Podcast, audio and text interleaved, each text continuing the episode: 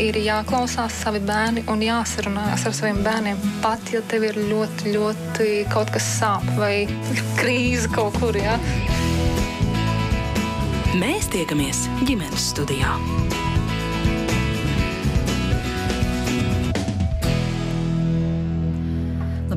Latvijas radio viens ģimenes studijas jūs sveicina Agnese Linka un arī visa šī raidījuma radošā komanda. Gatavojoties akcijai Dod pieci ģimenes studijā, šodien runāsim par to, kas ir ekonomiskā vardarbība. Apburtais lokus - vārdarbība ģimenē. Pēta un analizē Latvijas sabiedriskie mediji sadarbībā ar pētnieciskā žurnālistikas centru Rebaltika.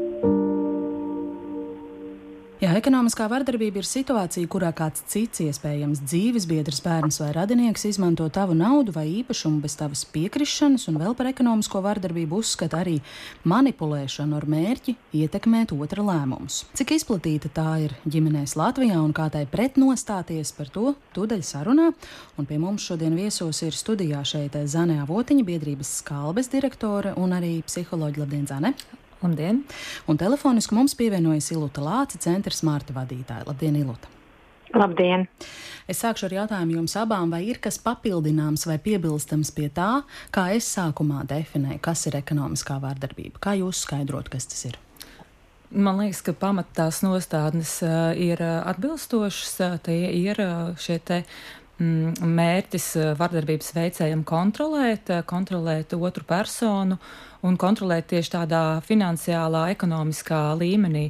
Tas ir saistīts gan ar uh, finanšu līdzekļiem, tātad naudu, algu, alimentiem, uh, pabalstiem, un uh, otrām kārtām tas svarīgākais aspekts, kā tiek um, ietekmēta arī cilvēku šī spēja uh, pieņemt lēmumus, strādāt, nestrādāt, kā tērēt savus līdzekļus.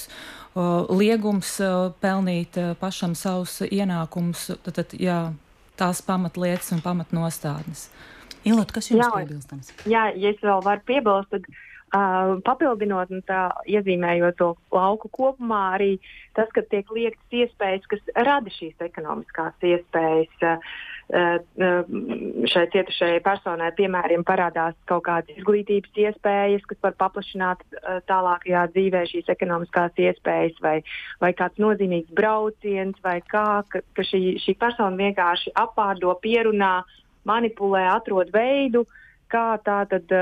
Kā tā tad liekt šīs iespējas, kas, kas otrai personai ļoti dotu tādu personības izaugsmu un, un karjeras iespējas tālāk. Ekonomiskā vardarbība man šķiet ir salīdzinoši jauns termins. Mēs par to zinām mazāk nekā par fizisko vai, piemēram, seksuālo. Um, kā ir ar šī vardarbības veida atpazīšanu? Vai to mēs protam atpazīt, vai to vispār ir viegli izdarīt? Jā, varbūt tad es uh, mēģināšu atbildēt uz šo jautājumu.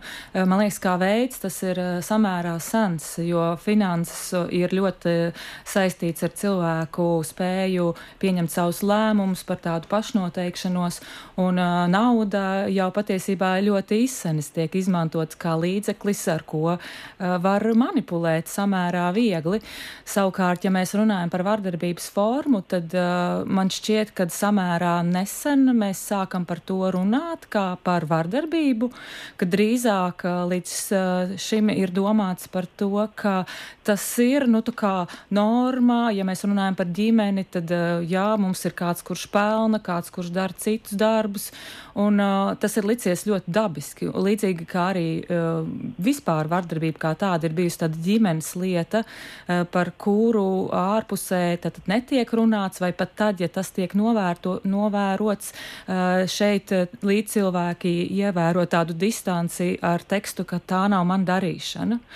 Un līdz ar to šī ekonomiskā vardarbība kā forma tiek apskatīta tiešām salīdzinoši nesen, ka tas var ļoti būtiski ietekmēt cilvēku, otra cilvēka spējas veselīgi un pilnvērtīgi funkcionēt savā dzīvē. Ilīt, kā, Ilūt, kāda jūsu novērojuma par, par ekonomiskās vardarbības atpazīšanas iespējām? Mēs sākam vairāk un vairāk viņu atpazīt, un, bet ir jā, jāizprot, ka viņi ir ciešā sasaistē ar šo vardarbīgo kontroli, ka šī, kā jau Zana iepriekš minēja, ka šī persona, kas ir vardarbības veicējs, ka uh, ka šai personai vienkārši ir vēlme un tieksme kontrolēt un pakļaut otru personu. Un tieši uh, veids, kā ierobežojam ekonomiskās iespējas, kā mēs nu, ierobežojam piekļuvi finanšu resursiem, ir viens, viens efektīvs veids, kā panākt, ka otra persona dara lietas ar laiku, ko, ko viņi negribētu darīt. Vēl domājot par tām izpausmes, izpausmēm, par kurām mēs jau iepriekš runājām, var arī būt tā, ka sieviete pelna, viņai ir ienākumi un varbūt viņai neliek strādāt, bet viņai liek paņemt, piemēram, kredītus uz viņas vārda. Uh, un, un viņus maksāt, bet labumu gūst, piemēram, šis, šī vardarbīgā persona. Un šķiršanās gadījumos tad ir, nu, kā teikt, viss finansiālais sloks paliek uz uh, bieži vien sievietes pleciem. Tā kā tie veidi, uh, nu, tās ekonom, manipulācijas, kas ir saistītas tieši ar ekonomiskajām iespējām un to sašaurināšanu, finanšu ierobežošanu, ir vienkārši ļoti daudzveidīgas. Un, un, un katrā stāstā, kas ienāk, piemēram, centra mārta lokā, mēs ieraugam kaut kādas jaunas nianses.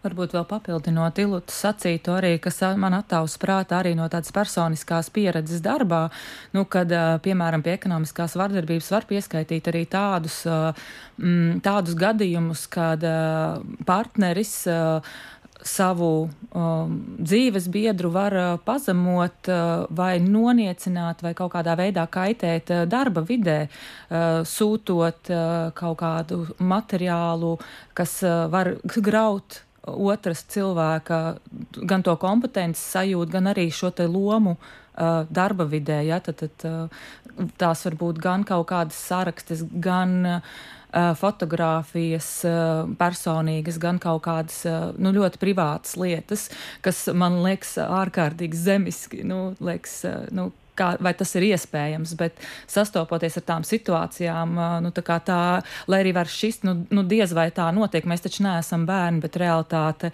rāda pavisam citu bildi, ka pieauguši cilvēki ar vairākām augstākām izglītībām var uh, būt vienkārši nekrietni un nekaunīgi uh, izmantot šo te savu vajadzību gūt pārsvaru, atriepties, kontrolēt un, un, un samaitāt otram cilvēku dzīvi ļoti mērtiecīgi. Un šādā formātā, jā, jā Ilut, lūdzu. Jā, es vienkārši gribēju arī minēt, jūs nu, runājāt par to, kā viņu atpazīt. Tā nav jau tā, ka mēs viņu tā uh, uzreiz hops un atpazīstam, ka tas liekas nu, tik ļoti acīm redzami. Jo, jo nu, sākotnēji, kad tās jūtas ir ļoti spēcīgas un skaistas. Uh, tas, ka tev otra pusīte stāsta, ka nu, nu, tev nevajadzēs, es par tevi parūpēšos, tev nevajadzēs strādāt, tu rūpējies par māju, tu rūpējies par bērniem.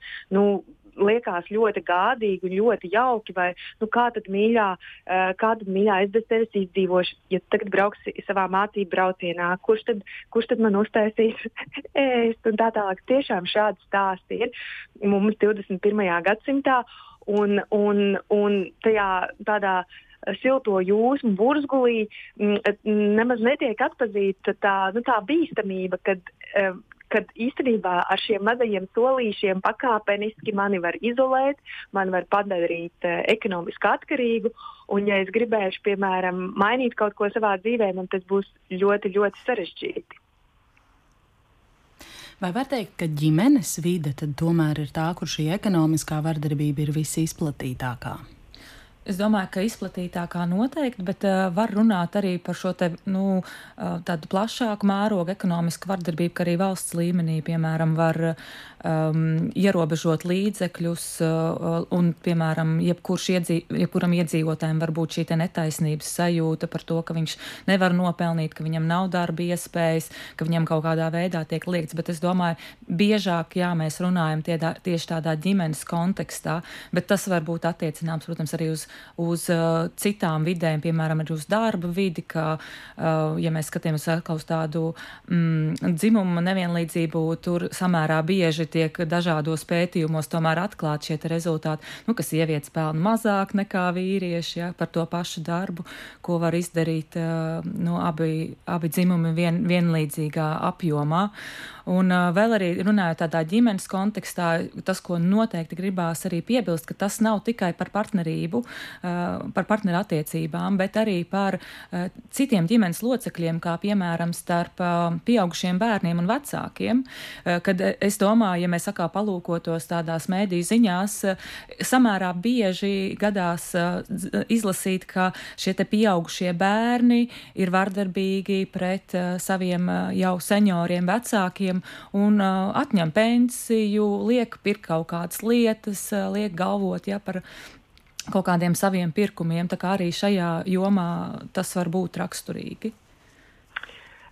Jā, domājot vēl par to ģimenes vidi un valsts vidi un ekonomisko vardarbību, man ir jāatzīst, ka arī šobrīd arī no valsts puses nav um, atbalsta tāda mehānisma. Arī tad, ja, piemēram, ir šī vārdarbība ģimenē, un uh, cilvēks vēlās aiziet. Lielākoties centrs Mārcis strādā tieši ar sievietēm, kas ir cietušas no vardarbības, un vardarbība ģimenē tieši lielākoties skar sievietes, un, kā jau Zana minēja, arī vecāku gadagājumu cilvēkus. Uh, protams, arī bērnus, bet, ja mēs runājam par intīmā partneru vardarbību, tad sievietes lielākoties tieši no šī vardarbības veida. Un uh, arī ar ko mēs centrā mārciņā sastopamies, nu, bieži nu, nereti ir tā, ka šī uh, vardarbība, ekonomiskā vardarbība kombinējās ar citām vardarbības formām, gan ar emocionālo vardarbību, gan ar fizisko vardarbību. Un, piemēram, sieviete ir uh, piekauta smagi. Un, un ir izsaukta policija, un tiek piemērots administratīvais sods. Un šo sodu vardarbības veicējs maksā valstī. Ja? Un, un, un, un, protams, viņam atkal ir jauns veids, kā piedraudēt sievietei, lūgtu zvanīs, lūgtu mēģinās kaut ko darīt. Es tev nevarēšu, mūsu ģimene, mūsu ienākumi kopēji iecietīs. Tāpat, arī, tāpat arī visas manipulācijas, kas ir saistītas ar uzturlīdzekļiem, kad arī šķiršanās gadījumā, kad sievietes nu, mēģina pārtraukt šīs vardarbīgās attiecības Un, ja ar tiesas palīdzību nav nokārtot skaidra sistēma, kādā veidā sieviete saņem šos uzturlīdzekļus mm, saistībā ar bērnu uzturēšanu, vai ja, saistībā, ja ir bijusi laulībā attiecībā uz, uz savu uh, dzīves līmeņu, iepriekšējā līmeņa uzturēšanu, tad uh, arī sākās daudz dažādas gan emocionālas manipulācijas, kas ietekmē šo ekonomisko situāciju. Un, un ir, nu, ir, ir daudz veidi, kā, kā, teikt, pan, kā panākt, lai, lai cilvēks dara to, ko viņš negrib darīt.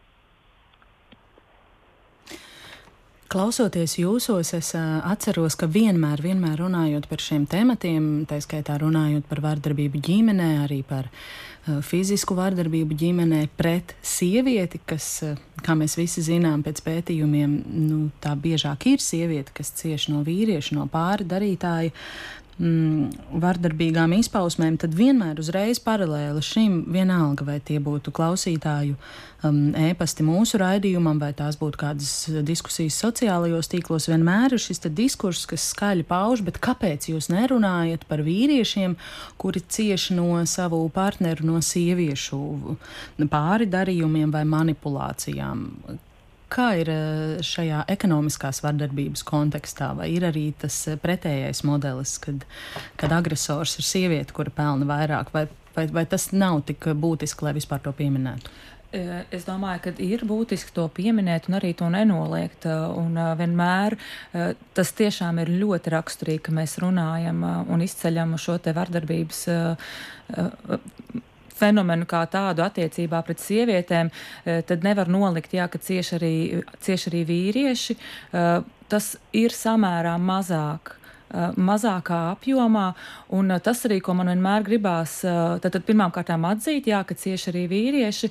un, un arī norādīt uz to, ka patiesībā arī viņiem ir visas tiesības saņemt visus tos pakalpojumus un resursus, ko piedāvā uh, cietušai personai. Jā, tā kā, un, un atkal, ja mēs skatāmies no tāda teorētiskā pamatojuma, nu, kā no kurienes tad mēs vispār skaidrojam vardarbību kā tādu, tas fiziskais pārspēks, uh, atkal, ja skatās šo te dzimumu perspektīvu, tad, tad uh, fiziskais pārspēks bieži vien ir uh, vīrieša mm, pusē, jo fiziski vīrietis ir spēcīgāks par sievieti. Uh, tas, ko mēs runājam arī par šo te finansiālo sadalījumu darba tirgu, nu, ka tur ir novērojama šī te atšķirība, bet jā, ir arī citi skaidrojumi tam, kāpēc vardarbība notiek. Piemēram, nezinu, dažādas nezinu, traumas, ja rezultātā dzīves pieredzes, iemācīta uzvedība un tam līdzīgi. Tad, tad ir arī citi veidi vai citi iemesli, kāpēc cilvēki mēdz būt vardarbīgi. Bet, ja mēs runājam atkal par tādu ģimenes vardarbību, nu, tad tur ir diezgan uh, klasisks uh, un labi redzams tas modelis, ka biežāk tomēr pakļautas uh, vardarbībai ir sievietes uh, kā vīrieši.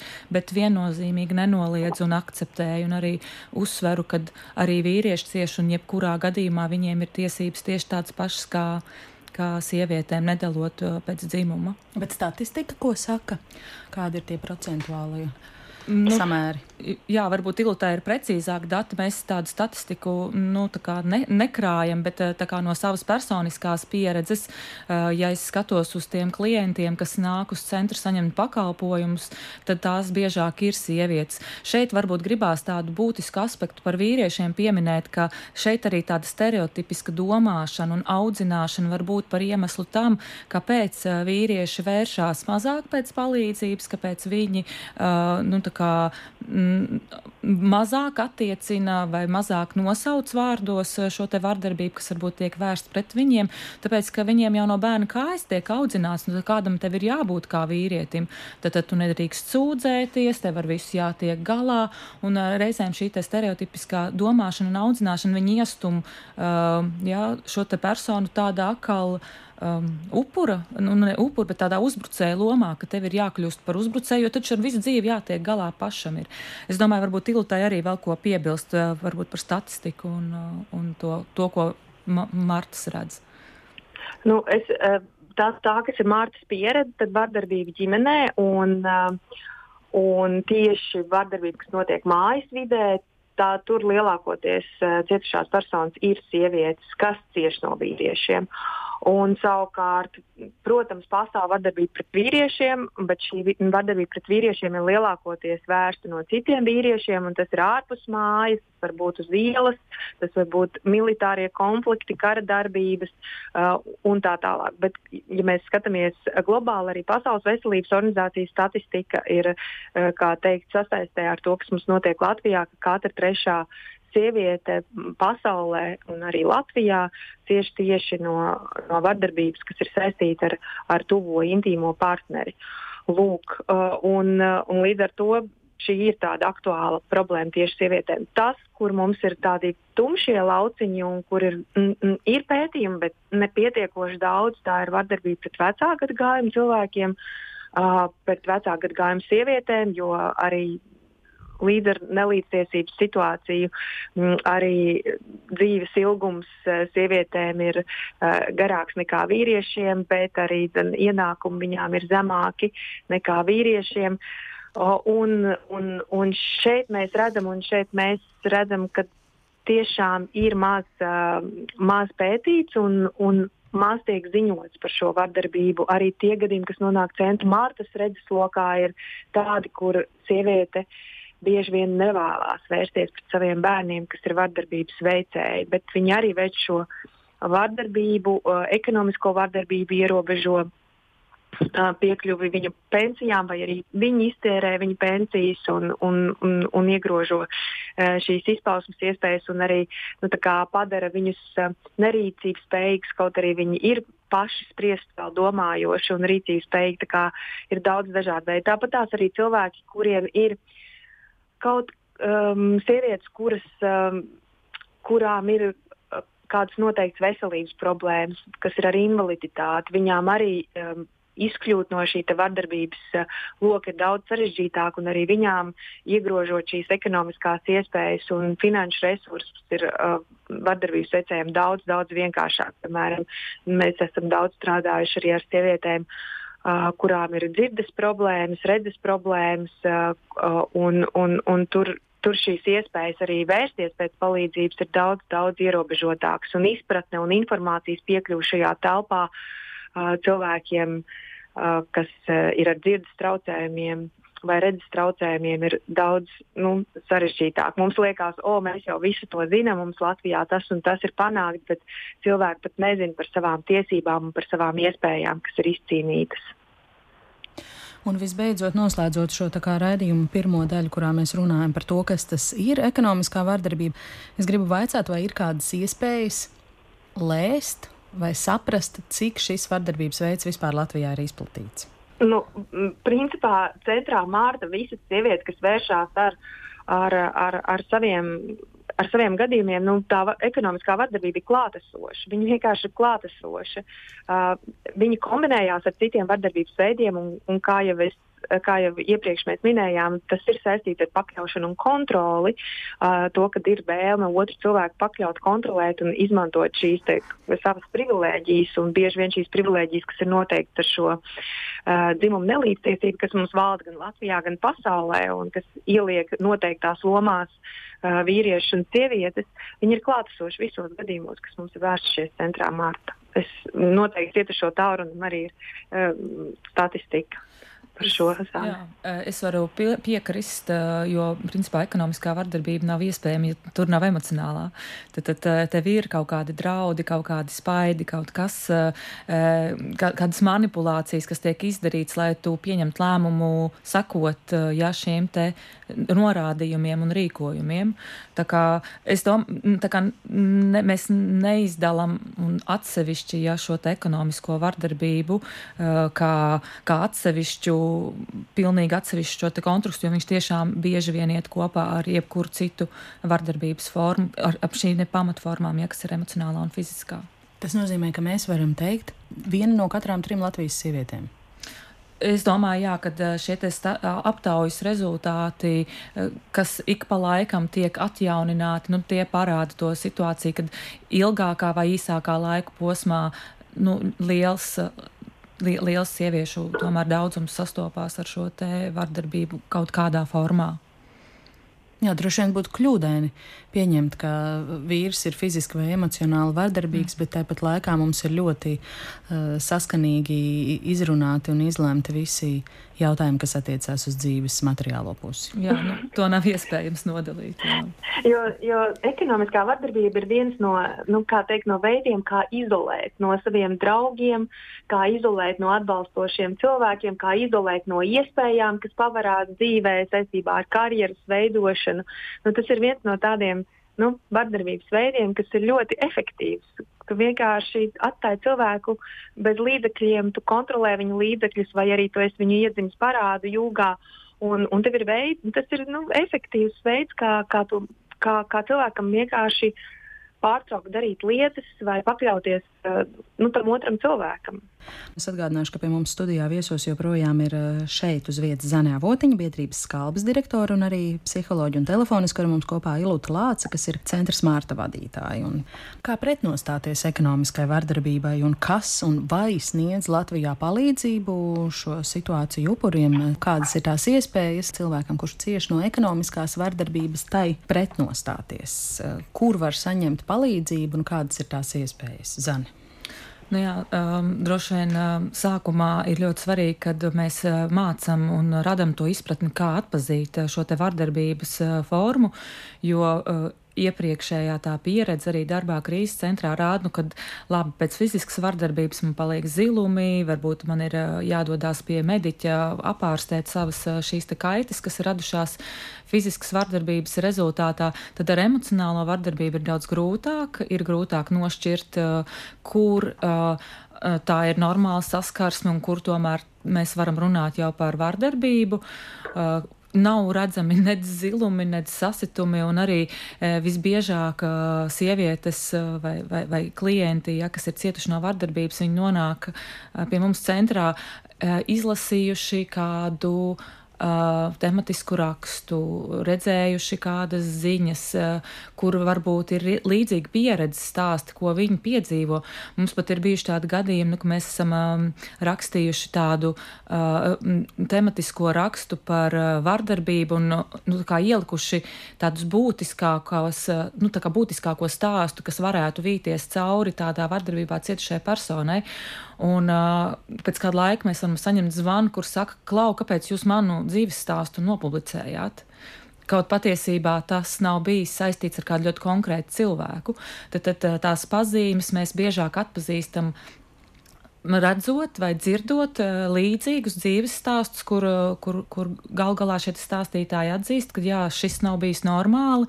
Uh, un vardarbības rezultātā, kas, ja mēs runājam par emocionālo vardarbību cilvēkam, mm, pamazītēm, ja fiziskas vardarbības gadījumā tad tev ir lausta roka vai zils, zila acis, tad emocionālas vardarbības gadījumā tās sekas visbiežāk ir tāds izkropļojums personības un tāds redzējuma izkropļojums izveidojums ilūzija eh, par eh, to, kā, eh, kā es saredzu pasauli sev apkārt. Un man liekas, tas taču ir tik normāli, kad mēs šādā veidā kārtojam attiecības, vai pareizi man taču ir jābūt un jārūpējās par saimniecību tā vietā, lai es ietu attīstīt savu, nu, nezinu, profesionālo jomu. Un mēs sākam to pieņemt par tādu normu, un tad, tad es domāju, tas pirmais ceļš arī tādās palīdzības. Uh, meklēšanā ir pirmām kārtām atzīt sev uh, par to, ka es ciešu, uh, un par to, ka tā tālāk nedrīkst turpināties. Jo ir ārkārtīgi grūti palīdzēt kādam, kurš šo, šo te atsakās pieņemt, akceptēt un dzīvo šādās te attiecībās. Varbūt, jā, Ilutā ir ko papildināt no savas puses par pieredzi Martā.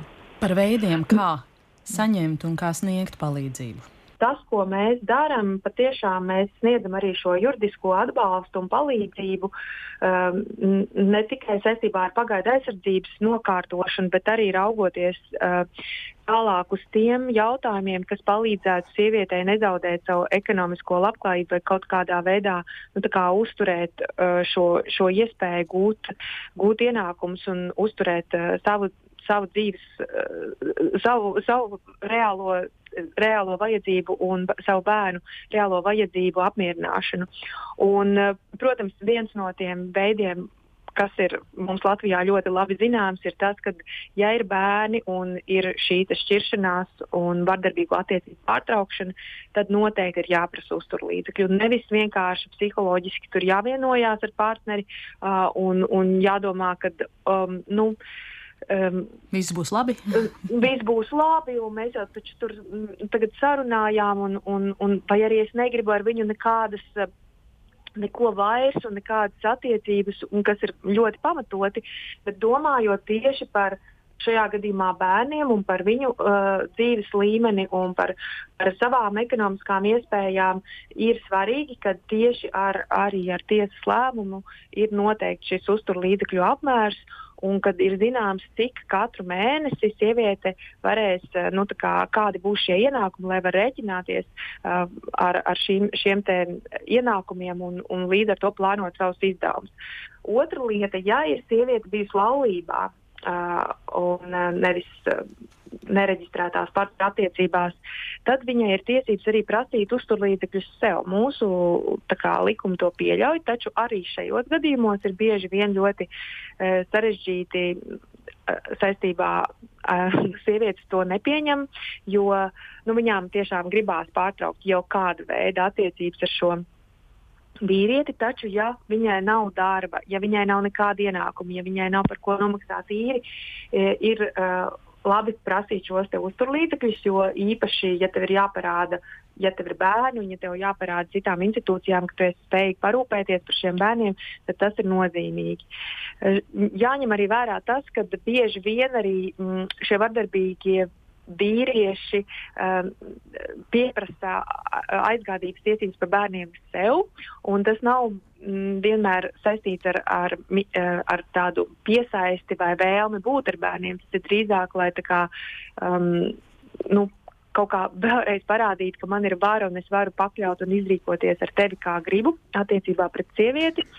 Un mums ir bijuši tiešām ļoti daudz, ļoti daudz gadījumi, kur, uh, lai nemaksātu šos uzturlīdzekļus, lai, lai sieviete paliktu absolūtā tādā bezizējas stāvoklī, vīrieši ir mācējuši apvārdot institūcijas, uh, pie, būt arī teikt, piekukuļot institūcijas, lai, lai, lai, lai viņi būtu tie, kas rūp, nu, teikt, kuriem ir šīs tiesības būt ar bērniem un lai viņiem nebūtu jāmaksā šie uzturlīdzekļi. Tad mēs arī, protams, Centrs Mārta, mūsu speciālistu komanda arī strādā pie tā, lai parādītu, kam tad ir, uh, kuram vecākam pēc būtības ir piesaist ar šiem bērniem. Uh, un atmaskot šo, te, šo te piekukuļošanas mehānismu uh, un, uh, un panākt to, ka bērni ir uh, ar māmu un kad šie uzturlīdzekļi, ka viņš maksā šos uzturlīdzekļus katru mēnesi un sieviete ir ar ko rēķināties. Jo situācijas tiešām ir mums bijušas dramatiskas, kur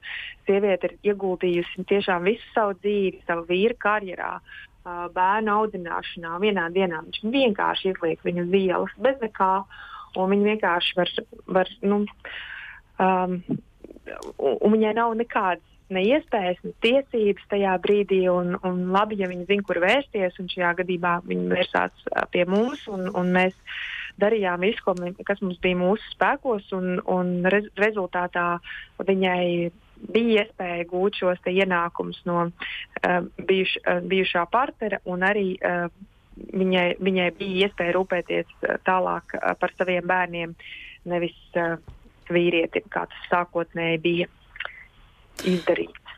Ja mēs pieņemam to, kā jūs sakāt, ka ekonomiskā vardarbība vislielākajā skaitā gadījumu iet roku rokā ar pārējiem vardarbības veidiem un no tiem cieši gandrīz katra trešā sieviete Latvijā, tad es saprotu, ka ne eh, skalbes, ne centrs Mārta kaut vai rokās sadodoties tomēr nevar sniegt tik lielam skaitam eh, cilvēku palīdzību, kas vēl dod padomus un darbojās šajā jomā. Cik liels ir tas resurss? Es, e, pirms, pirms, pirms mēs sākam pie šī jautājuma pieskarties, e, es gribētu teikt, ka mums ir arī robe likumos. Un, kā jau es iepriekš minēju, mums ir būtiski, e, tad, ja, nu, piemēram, ir šis šķiršanās process, un, vai arī ir šīs vardarbīgās attiecības, un, un sieviete vēlās pārtraukt šīs attiecības. Um, lielākoties sieviete, ja ir arī citi ģimenes locekļi, tad ir būtiski, ka tie likumi, kas mums ir, ka viņi tiešām ir atbalstoši un ka nepastāv tādi, tādi gadījumi, kad, kā tas ir līdz šim, kad um, administratīvais sots ir jāmaksā valstī. Ja ir šis vardarbības gadījums, tad ir jābūt tā, jābūt tā ka šis sots ja viņš tiek maksāts, viņš aiziet uh, at, kā, ģimenes resursos, um, lai, lai ģimenes la, labklājības līmenis, lai sieviete, bērni nu, neciest no tā, ka vīrietis ir vardarbīgs pret viņu. Tātad viņš piekāja viņu, viņš vēl samaksā sodu valstī, un reāli ģimene paliek, sieviete ar bērniem paliek bez ienākumiem. Vai uh, ir perspektīva, reiz... ka likumos šis varētu tikt uh, ierakstīts? Nu, par to tas ir jāceļ gaismā, tas tiek kaut kādā veidā celt, bet uh, tomēr līdz galam tas nav atrisināts atrisināts tā, kā tas būtu jāatrisina. Un arī tas, ka nu, šīs te, mm, nu, nu jā, ši, ši, šis ir tas jautājums, kas ir. Un arī tiesām, tad, kad viņas pieņem lēmumus, ir ļoti būtiski jāraugās uz to, lai, lai, lai tiešām vardarbības veicēja šie ienākumi, uh, lai, viņi ne, lai viņi nesamazinās uz, uz cietušā rēķina vai uz cietušā dzīves līmeņa rēķina. Tā kā ir svarīgi, kad, kad uh, ģimene necieš no tā, ka šis vardarbības, veicē, ka vardarbības gadījums ir nācis gaismā un, un, un, un tagad ir kaut kas jādara, ja? un tad tiek maksāti sodi, bet reāli labums no tā ģimenei nav.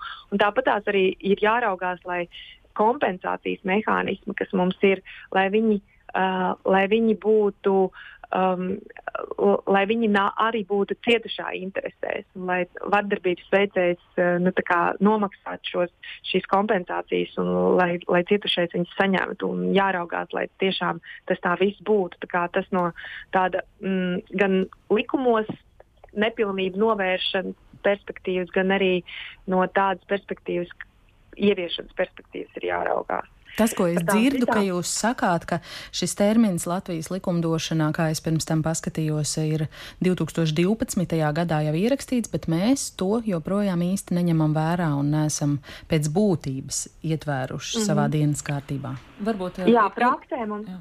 jāpiestrādā pie šī. Jā.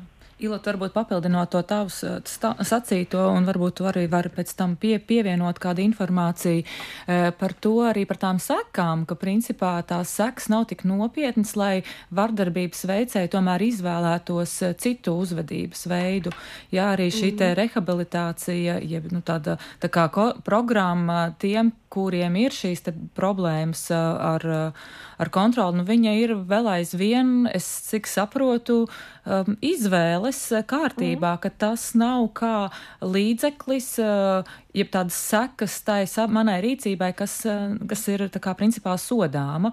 Un līdz ar to šī sajūta par to, ka es esmu nesodāms un mani par šo nevar sodīt, uh, atbrīvo vardarbības veicējiem veikt ļoti plašus dažādas manipulācijas bez fiziskās vardarbības, ja bez fiziskas izrēķināšanās, um, jā, brīvi, nu, īstenot visu šo savu arsenālu jā, attiecībā pret otru personu.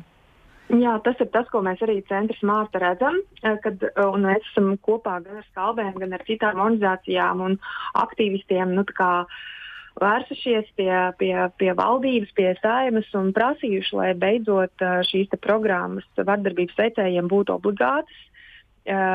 Tiklīdz tiek piemērota pagaida aizsardzība, lai būtu notiktu darbs ar vardarbības, uzska, vardarbības veicēju uzskatu sistēmu, jo tas ir visa pamatā, kādā veidā es raugos uz otru cilvēku. Tas ir ļoti retos gadījumos, kad tie ir tādi emocionāli uzplaiksnījumi vai dusmu lēkmes vienkārši tāpat. Uh, Tad, tas ir cits jautājums, bet bieži vien šīs vardarbības pamatā, īpaši kas ir saistīts ar jau uh, ekonomisko iespēju ierobežošanu, finanšu līdzekļu ierobežošanu, cilvēku izolēšanu, tas ir saistīts ar šo vardarbīgo kontroli un tieši ar šo uzskatu sistēmu, kad uh, es varu pakļaut es varu rīkoties, kā es gribu, un man par to nekas nebūs, nebūs nekādu seku par šo. Un to mēs arī piedzīvojam, kad šiem vardarbības veicējiem pēc būtības viņi netiek nekādā veidā uh, nopietni saukt pie atbildības. Viņi nomaksā administratīvo sodu, piedraud, piedraud savai partnerei un paziņo, un, protams, ka partneris šajā situācijā jūtās pilnīgi bezspēcīgi, jo viņi piedzīvojas vardarbību gan no uh, sava tuvākā cilvēka, gan arī no valsts institūcijām, kas, kas principā nu, jūtās uh, pilnīgi neaizsargāti.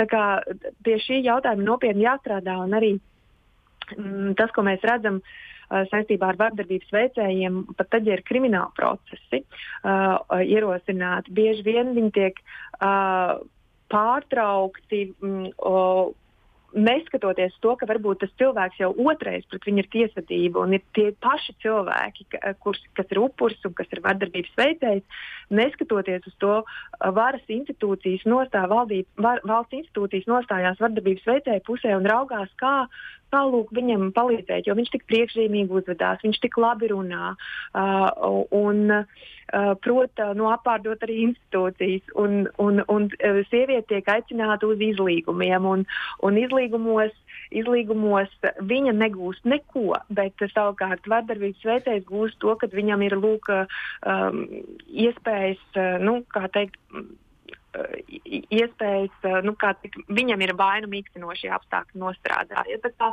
šeit, tā sistēma, kāda viņa šobrīd ir, viņa absolūti šobrīd nedarbojās cietušās personas interesēs. Šobrīd tas sloks, pierādījums sloks ir uz cietušās personas pleciem, kaut gan tam būtu jābūt otrādāk. Vardarbības veicējiem ir nu, caur vardarbības veicēju un caur citām institūcijām būtu jā, jāgūst šie pierādījumi tam, ka šī persona ir cietusi. Jo skaidrs, kad uh, esot vardarbīgās attiecībās, esot bez ekonomiskiem, bez ienākumiem vai ar ierobežotiem ienākumiem vai parādu uh, gūstā, un vēl tas, ka tev ir piesaista bērniem un tev ir bažas, ka tu zaudēsi uh, šīs iespējas rūpēties par bērniem, jo tev ir šīs ierobežotās ekonomiskās iespējas. Tas ir vesels, nu, tā, tā, tik daudz tik daudz uh, diedziņu, ar kuriem, kurus var raustot, tu vari manipulēt ar šo cietušo personu. Un tas arī notiek, un tas notiek veiksmīgi. Un institūcijām liekas, o, oh, šī sieviete brīvprātīgi piekrist šim izlīgumam, bet tur bija, tur bija uh, draudi, kuri varbūt neparādās nekādās īsiņās. Viņi bija mutiski, jo vardarbības veicēji ir diezgan, kā teikt, zina izsmalcināt savas ietekmēšanas, jā. jā, tieši tā, mhm. savas, uh, savas taktikas. Tāpat, tās, tāpat arī, ja, ja bērni atrodas ne pie sievietes, bet jau uh, pie, piemēram, vīra radiem vai vēl kaut kur, vai pie vīra, nu, viņai ir tik daudz tik daudz uh, iespējas, kā, kā manipulēt ar šo sievieti. Līdz ar to tā brīvprātība būtu ļoti būtiski jāizvērtē, bet tas netiek darīts un tas netiek ņemts vērā. Un, un, un līdz ar to man jāsaka, ka joprojām institūcijas neprot atzīt šo vardarbības problemātiku, uh, neizprot ar dzimumu saistīto vardarbību, neizprot uh, šos vardarbības veidus. Un, un tas ir viens no tādiem nu, stūrakmeņiem, bez kuriem mēs nevaram šo, šo, šo darbu pavirzīt uz priekšu. Jā, Ilta, Paldies par eh, šo sarunas ievirzīšanu šai gultnē, kas būtībā laikam ir viss, vissvarīgākais mūsu eh, šīs dienas temata aspekts. Jūs pieminējāt bērnus, un eh, tāpēc šobrīd es teikšu, ka mūsu sarunai pievienosies arī Daina Dziļuma no Centra pret vardarbību Dārdedze. Ģimenes studijai Dēna kā psiholoģija, kas ikdienā strādā ar vardarbībā cietušiem bērniem, stāstīja, kā pret bērnu var tikt vērsta ekonomiskā vardarbība un kādas ir tās izpausmes. Ieklausīsimies arī viņā ir tā sajūta, ka par bērniem mēs netik bieži tajā ekonomiskās vardarbības kontekstā runājam, jo tā kā arī viņš netiek izvirzīts kā viens no tiem veidiem attiecībā pret bērnu. Bet, nu, katrā ziņā, ja ģimenēs starp pieaugušajiem ģimenes locekļiem pastāv ekonomiskā vardarbība un tās ir tādas manipulatīvas, kontrolējošas attiecības, nevienlīdzīgas attiecības, tad noteikti viņas atstāja arī negatīvu ietekmi uz bērnu, jo bērns tādā situācijā, jā, viņš jūt spriedzi, redz, kuram tad ir tā vāra, kurš ir upuris, un pat patiesībā bērns arī tādā situācijā var pārņemt uh, vienu vai otru šo lomu, gan šo pārdarītāju vai kontrolētāju tajā varas pozīcijā, to lomu vai arī nu, tādu upura lomu. Un, uh, nu, tādēļ es teiktu, ka ir ļoti svarīgi, lai pieaugušie ir spējīgi vienoties par tādu nu, skaidru, abiem pieņemamu veidu, kā ģimenē tas notiek. Tas katrā ģimenē var būt citādāk, bet bez tāda negatīva konteksta, kur nav šī manipulēšana attiecībā uz to, kā mēs ģimenē naudu pelnam, kā tērējam. Un tādā veidā arī patiesībā mācām tādas vienošanās prasmes arī bērnam un, un arī šo spēju ar naudu rīkoties kas reizēm ir tāds klupšanas akmens, eh, ir būtiski, lai nauda un mantas nekļūst par galveno un vienīgo veidu, kādā mēs eh, bērnam izrādām nu, savu uzmanību, mīlestību, to, ka viņš ir mums svarīgs. Protams, tas nenozīmē, ka mēs nevaram kaut kādā veidā iepriecināt gan viens otru, gan bērnu arī materiālā veidā, jo mēs jau esam dzīvojam arī materiālā pasaulē. Taču ir ļoti svarīgi, lai tas nekļūtu tāds primārais. Konkrēti minot tādus piemērus, dažreiz situācijās, kur vecāki cenšas eh, kompensēt to laiku, laiku, ko viņi pavada atsevišķi, vai nu tas ir situācijā, kad nu, vienkārši vecāks jūtās, ka viņš ir ļoti aizņemts, vai kā situācijā, kur vecāks nedzīvo kopā ar bērnu ikdienā, vecāki ar lietām vai naudu mēģina kompensēt to laiku, kas nav pavadīts kopā. Taču, nu, jāsaka, pat pētījumos ir apstiprinājies, ka tādas kopīgas aktivitātes un nedalīta uzmanība bērni novērtē daudz augstāk nekā jaunas lietas. Pat ja viņi to tādiem vārdiem nepasaka, es pat teiktu otrādi, varbūt bērni, kuriem nav pieredze, ka viņu emocionāli emocionālās vajadzības tiek tādā atbilstošā veidā nodrošināts, viņi arī paši arvien vairāk runā tikai par materiālām lietām un, un, un vēlās un ilgojās it kā pēc materiālām lietām, bet eh, nu, tas īsti neatbilst tai patiesībai. Viņi vienkārši spēj runāt tikai par šo, taču īsti viņu emocionālās vajadzības tajā situācijā netiek apmierinātas, nodrošinātas, kas būtu daudz svarīgāk, lai tas kā ietu kā pirmais un galvenais. Nu, jā, vēl droši vien nevajadzētu likt bērnam nopelnīt tādu uzmanību un mīlestību. Jā, mēs dažādos veidos varam pastiprināt bērnu atbilstošu uzvedību, taču kopīgu spēlēšanos vai sārunas vai tādu uzmanību ir svarīgi, ka mēs dodam nu, neatkarīgi no tā.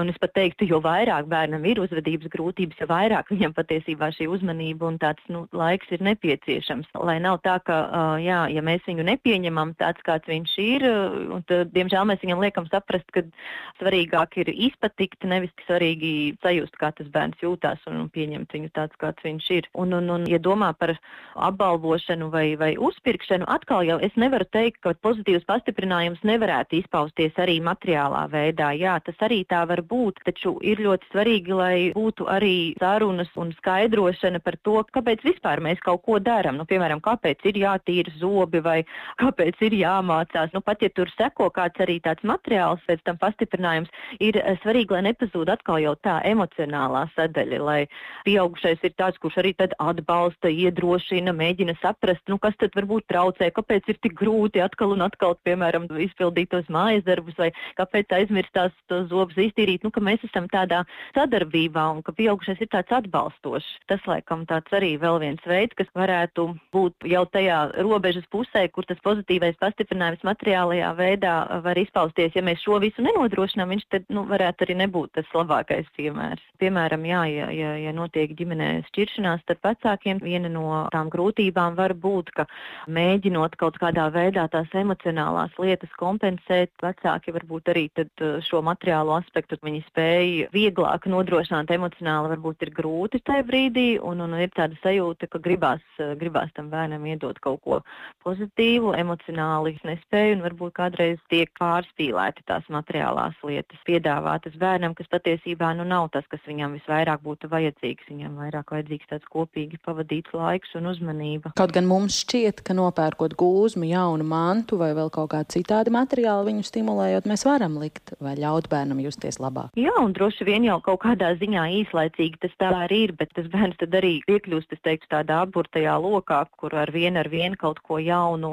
vēlās materiālā ziņā, bet patiesībā nesaņem, visu laiku nesaņem un nesaņem to, kas ir nepieciešams viņam emocionāli.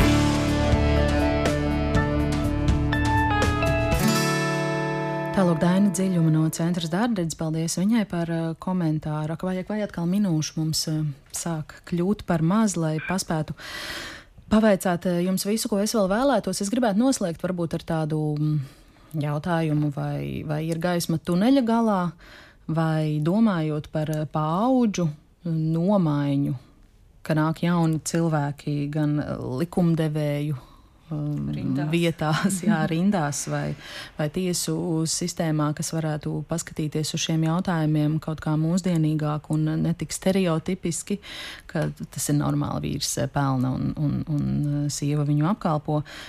Vai tā varētu būt iespēja mums tikt ārā no tā purva?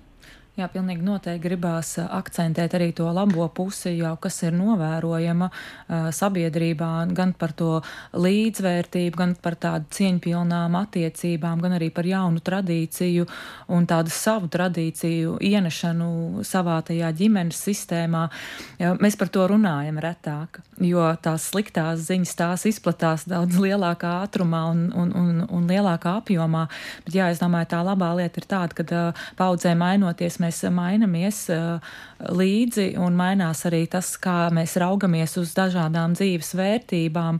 Un, jā, es gribu tomēr saglabāt to cerīgo skatu, ka, lai arī šķiet pa nelieliem soļiem, tomēr mēs varam lietas izmainīt gan tiešām kā mēs raugamies, gan kā mēs vērtējam. Mm. Un tas, ko Daina raksturoja, nu, mm. nu, tā ir tāda varbūt ļoti maiga mm. šīs ekonomiskās Jā. vardarbības vai deformācijas uh, forma, ko mēs iespējams pat neapzinoties Jā. uzspiežam saviem bērniem, bet tas ir vēl viens jautājums, par ko padomāt tādās situācijās, kas bi gan bieži gadās, ka vecāki vienkārši šķirās. Jā, tā ir. Eh, man liekas, visa pamatā ir tas, ar kādu mērķi es daru lietas. Ja es uh, piesolu kaut ko ar mērķi uh, nu, manipulēt, tad tas būs tas uh, neefektīvais uh, rezultāts. Ja es no sirds domāju, ka nopērkot šo, šo mantu, es gribu tev iepriecināt, tad tas būs tāds labs veids, uh, kā, nu, kā īstenot un apliecināt šo savu mm. vajadzību. Ja es... vien jautājums, vai es gribu iepriecināt, jāuzdod sev divas vai trīs jā. reizes. Jā. Ilūti jums galavārds. Jā, es gribēju pateikt, ka, protams, ka cerība ir un ar katru gadu es redzu, ka pakāpeniski, pakāpeniski, kaut vai pa, pa višķiņu mazlietiņu, bet lietas mainās un lietas mainās uz pozitīvo pusi. Un kaut vai tas, ka mēs šeit runājam par šo vardarbību, uh, vardarbību ģimenē, ekonomisko vardarbību, uh, vardarbības veicēju atbildību, tas, ka mēs par to runājam radio, kad, uh, ir, izvē, kad ir izvēlēta dot pieci tēma vardarbība ģimenē, tas vien ir ļoti liels sasniegums un rādītājs, ka mums kā sabiedrībai beidzot šis jautājums ir nu, teikt, attausis tādā uh, skaidrā apziņā, ka ir jārīkojās un, un uh, nevar nedarīt lietas, mēs gribam dzīvot sabiedrībā, kas ir droša. Jā, gan Latvijas rādio, gan ģimenes studija, gan arī, protams, dod pieci par šo runā un runās un mēs eh, neapklusīsim, kā saka. Paldies arī jums eh, par sarunu, ka šodien veltījāt savu laiku un pieredzi un zināšanas. Eh, Zāne Avotiņa no biedrības skalbas direktora un arī psiholoģi bija šeit pie mums ģimenes studijā un telefoniski ar mums kopā bija centra smārta vadītāja Luta Lāca. Paldies par ģimenes studijas skanējumu. Šodien rūpējās arī Ilza Zvaigzne, Kristīna Dēle un es Agnese Linka, bet Rīt valsts svētku nedēļas noskaņās man kolēģi Mairits Notiņa dosies viesos pie Gata un Klintas slavēniem. Viņi ir jauna ģimene, abi dienu nacionālajos bruņotajos eh, spēkos ir aktīvi dzīvesveidi piekritēji un nesen sagaidījuši savu pirmdzimto. Vēl tikai piebildīšu arī, ka rādījuma ģimenes studiju jūs alaži varat noklausīties arī visās populārākajās podkāstu aplikācijās. Mēs esam atrodami un dzirdami gan Spotify, gan Apple podkāsts, Google podkāsts un citur. Tad tiekamies arī šādi un uz sadzirdēšanos. Apburtais lokus - vārdarbība ģimenē. Pēta un analizē Latvijas sabiedriskie mediji sadarbībā ar pētnieciskā žurnālistikas centru Rebaltika.